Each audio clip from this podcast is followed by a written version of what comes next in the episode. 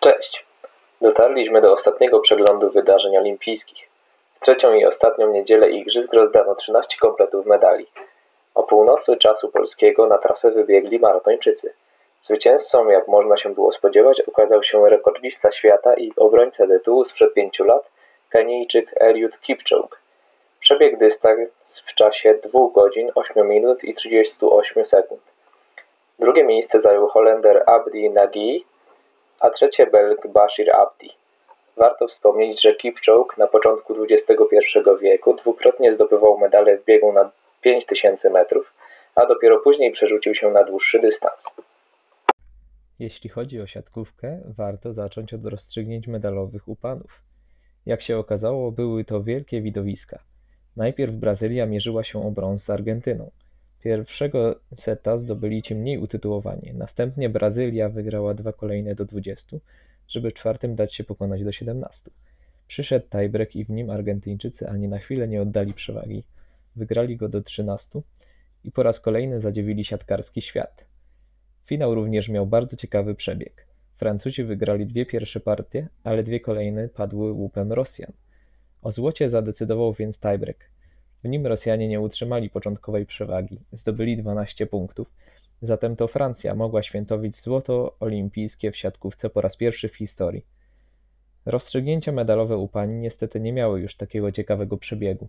W meczu o brąz Serbki nie pozostawiły złudzeń Koreankom, wygrywając sety do 18, a potem dwa razy do 15. W finale również było jednostronnie. Amerykanki pokonały Brazyliki do 21, 20, a w ostatnim secie pogromiły do 14. O 4.30 w korzystnej porze dla amerykańskich telewidzów rozpoczął się finał koszykarek pomiędzy USA i Japonią. Zwyciężyły Amerykanki 90 do 75, podobnie jak wczoraj Amerykanie, którzy w finale pokonali Francuzów 87 do 82. Był to zatem rewanż za porażkę w pierwszym meczu fazy grupowej. W meczu o brąz u kobiet francuski pokonały Serbki 91 do 76, natomiast Słoweńcy, rewelacja turnieju mężczyzn, ukończyli rywalizację bez medalowej zdobyczy. Przegrali z Australijczykami 93 do 107. Nie da się jednak nie zauważyć, że Słowenia każdorazowo zdobywała dużo punktów, co zawsze podoba się kibicom. W podobnym czasie, między 4.45 a 6 rano, odbyły się trzy finały kolarskie. W sprincie kobiet triumfowała Kanadyjka Kelsey Mitchell, Keirin mężczyzn wygrał Brytyjczyk Jason Kenny, a kobiecy wyścig Omnium Amerykanka Jennifer Valent. Po wszystkich 12 konkurencjach w kolarstwie torowym najlepsze okazały się Wielka Brytania oraz Holandia. Oba kraje zgromadziły po trzy złote krążki. O czwartej i ósmej odbyły się mecze medalowe szczypiornistek. Norweżki nie pozostawiły złudzeń Szwedkom, wygrywając 36 do 19 i stając na najniższym stopniu podium. Natomiast to najwyższe przypadło Francuskom. Wygrały z Rosjankami 30 do 25. W tym miejscu wypada wspomnieć o wczorajszych rozstrzygnięciach u szczypiornistów. Egipt, który ma za sobą świetny rok jako reprezentacja, jednak przegrał o brąz na rzecz Hiszpanii 31 do 33, a w finale obie strony miały problem ze strzelaniem bramek, ale nieco lepiej w tych warunkach poszło Francji, która pokonała Danię 25 do 23. Ostatnie wydarzenie sportowe, do jakiego doszło na Igrzyskach Olimpijskich 2020 w Tokio, to finały piłki wodnej panów. Miejsca na podium przypadły Serbom, Grekom i Węgrom, a wczoraj u pań Amerykankom, Hiszpankom i Węgierkom. Na koniec garść statystyk. Dzięki zwycięstwom koszykarek, siatkarek oraz kolarki Stany Zjednoczone na ostatniej prostej zdołały wygrać klasyfikację medalową.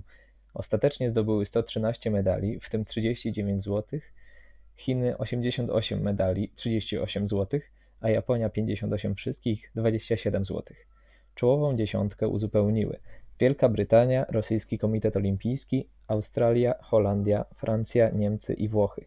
W stosunku do klasyfikacji w Rio de Janeiro Stany Zjednoczone zdobyły o 7 zł mniej, Chiny o 13 więcej, a Japonia aż o 15 więcej. Wówczas drugie miejsce zajęła Wielka Brytania, teraz poszło jej znacznie słabiej. Czołowej dziesiątce powtórzyło się 9 z 10 krajów. Zamiast Korei Południowej wskoczyła do niej Holandia. Stany Zjednoczone wygrały klasyfikację trzeci raz z rzędu. Ostatnimi, którym udało się z nimi wygrać, były Chiny, u siebie w Pekinie w 2008 roku. Polska zajęła dobre 17 miejsce z czterema złotymi, pięcioma srebrnymi i pięcioma brązowymi medalami. Dla porównania 9 lat temu z 11 medalami byliśmy 23, a 5 lat temu tyle samo medali, ale trochę niższej jakości pozwoliło na 33 lokatę. Mamy się więc z czego cieszyć.